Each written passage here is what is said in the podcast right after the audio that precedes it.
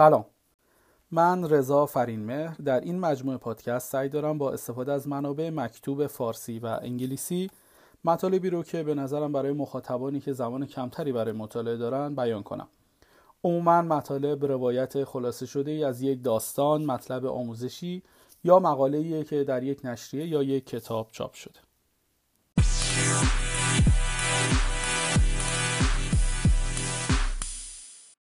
اپیزود دوم. در مواقع توجه چه اتفاقی در مغز شما می افتد؟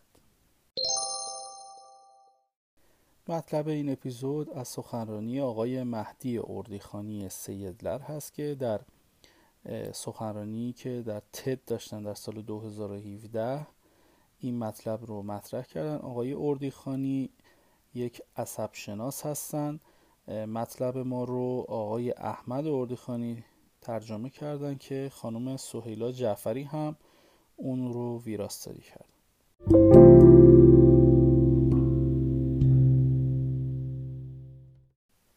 آقای اردیخانی صحبت خودش رو اینجوری شروع می‌کنه که توجه دقیق کار ساده ای نیست. بله اینطور نیست. برای اینکه توجه ما در آن واحد به جهت های مختلفی جلب میشه. عموما تصور بر اینه که منظور از توجه فقط چیزیه که ما به اون تمرکز می‌کنیم. ولی در واقع درباره اطلاعاتیه که مغز ما تلاش می‌کنه اونها رو فیلتر کنه. ایشون اضافه می‌کنه که دو راه برای هدایت توجه شما وجود داره. اولی توجه آشکاره.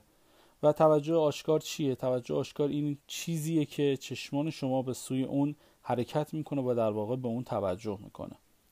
مورد دوم توجه پنهانه. در توجه پنهان شما به چیزی توجه می‌کنید بدون اینکه به اون نگاه کنید. برای یه لحظه به رانندگی فکر کنید. توجه آشکار شما مسیر نگاه شماست. به سمت جلو. اما توجه پنهان شما که به طور مداوم محیط اطراف رو بررسی یا اسکن می‌کنه در واقع جاهاییه که شما به اونها نگاه نمی کنید و مستقیما نگاه نمی کنید اما مغز شما اطلاعات اون رو فیلتر می‌کنه. آقای مهدی اردیخانی ادامه میده که من عصب شناس محاسباتی هستم و روی واسط ها یا تقابل شناختی مغز و کامپیوتر یا به صورت کلی روی تقابل مغز و ماشین ها کار می‌کنم. به عبارت دیگه کار من کنار هم آوردن مدل های مغز و کامپیوتر. میگه من عاشق الگوهای مغز هستم. الگوهای مغز برای چی برای ما مهمه؟ چون بر اساس اونها ما می‌تونیم مدل هایی برای کامپیوتر بسازیم. و بر اساس این مدل های کامپیوتری ما می‌تونیم عملکرد مغزمون رو تشخیص بدیم. بنابراین اگر عملکرد مغزمون یه روزی مختل بشه شاید این کامپیوترها باشن که بتونن به عنوان یک دستگاه کمکی برای درمان ما به کار بیان. ولی این به این معنیه که اگر ما یه الگوی اشتباهی از مغزمون ایجاد بکنیم و اون مدل اشتباه رو به کامپیوتر بدیم بنابراین درمان اشتباهی دریافت می‌کنیم. در مورد توجه حقیقتی که وجود داره اینه که ما نمی‌تونیم دقتمون رو فقط توسط چشممون تغییر بدیم بلکه این کار رو توسط ذهنمون انجام میدیم. این امر باعث میشه که توجه پنهانی و یا اون روش دومی که در ابتدا گفت توجه آشکار و توجه پنهان. توجه پنهانی مدل جالبی برای کامپیوتر باشه. ایشون در ادامه میگه که من می‌خواستم که بدونم الگوی امواج مغزی به چه شکلی هن. وقتی که شما آشکارا یا پنهان نگاه می‌کنید این الگوها به چه صورتی عمل می‌کنن؟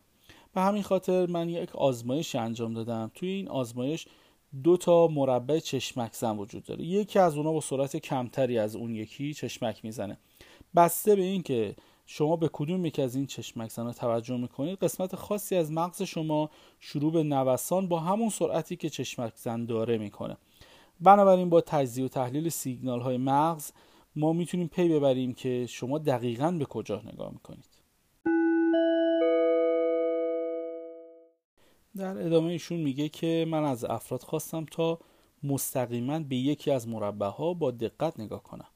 در این حالت همونطور که انتظار می‌رفت مشاهده کردیم که این مربع های چشمک زن در سیگنال های مغزی اونها ظاهر شدن که در قسمت پشت سر اونها قرار داره منشأش جایی که مسئول پردازش اطلاعات بسریه میگه ما واقعا علاقمند بودیم تا ببینیم که وقتی شما توجه پنهان می‌کنید چه اتفاقی در مغزتون میفته بنابراین از افراد خواستیم تا به مرکز صفحه نمایش نگاه کنند بدون اینکه چشماشون رو حرکت بدن. به یکی از دو مربع توجه کنند بدون اینکه مستقیما به اون نگاه کنند وقتی این کار رو انجام دادیم متوجه شدیم که هر دوی این چشمک زنها در سیگنال های مغزی افراد ظاهر شدن. اما نکته جالب اینه که فقط یکی از اونها که افراد به اون توجه کرده بودن سیگنال های قوی تری داشت. پس یه چیزی توی مغز بود که این اطلاعات رو اداره می‌کرد. اون چیز در مغز اساسا فعالسازی ناحیه پیشانی بود. که اتفاقا ما توی سخنرانی دیگه ای که در اپیزود قبلی داشتیم گفتیم قسمت کورتکس پیشانی. این شون هم به همین قسمت ارجاع میده. یه قسمت پیشانی مغز مسئول اعمال شناختی در انسان هست. اینطور به نظر می‌رسه که قسمت پیشانی به عنوان فیلتری کار می‌کنه که سعی می‌کنه اجازه ورود اطلاعات فقط از طریق چشمک زنی رو بده که توجه شما به اون معطوفه و سعی در مهار اطلاعات دیگری می‌کنه که از چشمک زن دیگری میاد در واقع چشمک زنی که شما اون رو نادیده گرفتیم و به اون نگاه نکردیم.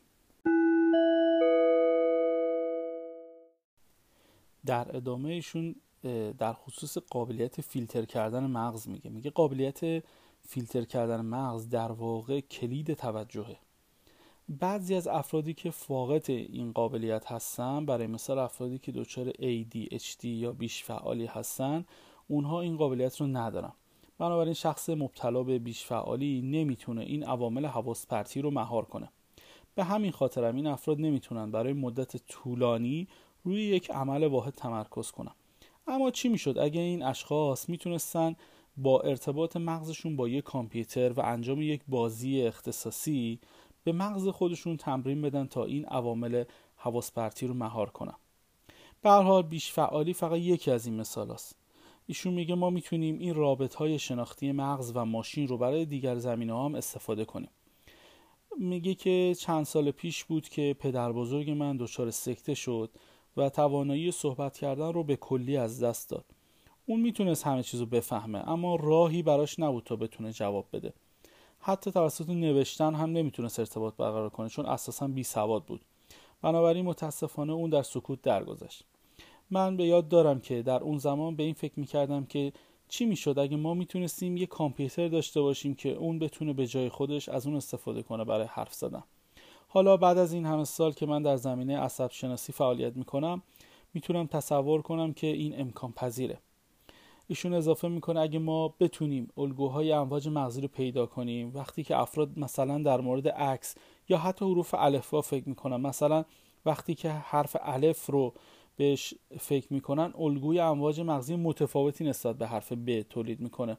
به همین ترتیب می‌تونن یه مدل کامپیوتری بسازن و یه روزی کامپیوتر به جای افراد ارتباط برقرار کنه. برای افرادی که ارتباط نمی‌تونن برقرار کنن یا توانایی صحبت کردن ندارن. در ادامه اضافه می‌کنه که چی می‌شد؟ اگر یه کامپیوتری داشتیم که می‌تونست برای فهمیدن افکار یک شخصی که در کما هستش به ما کمک کنه. میگه ما هنوز در اون مرحله نیستیم. ولی می‌خوام نظر شما رو به این جلب کنم که ما به زودی به اون مرحله می‌رسیم.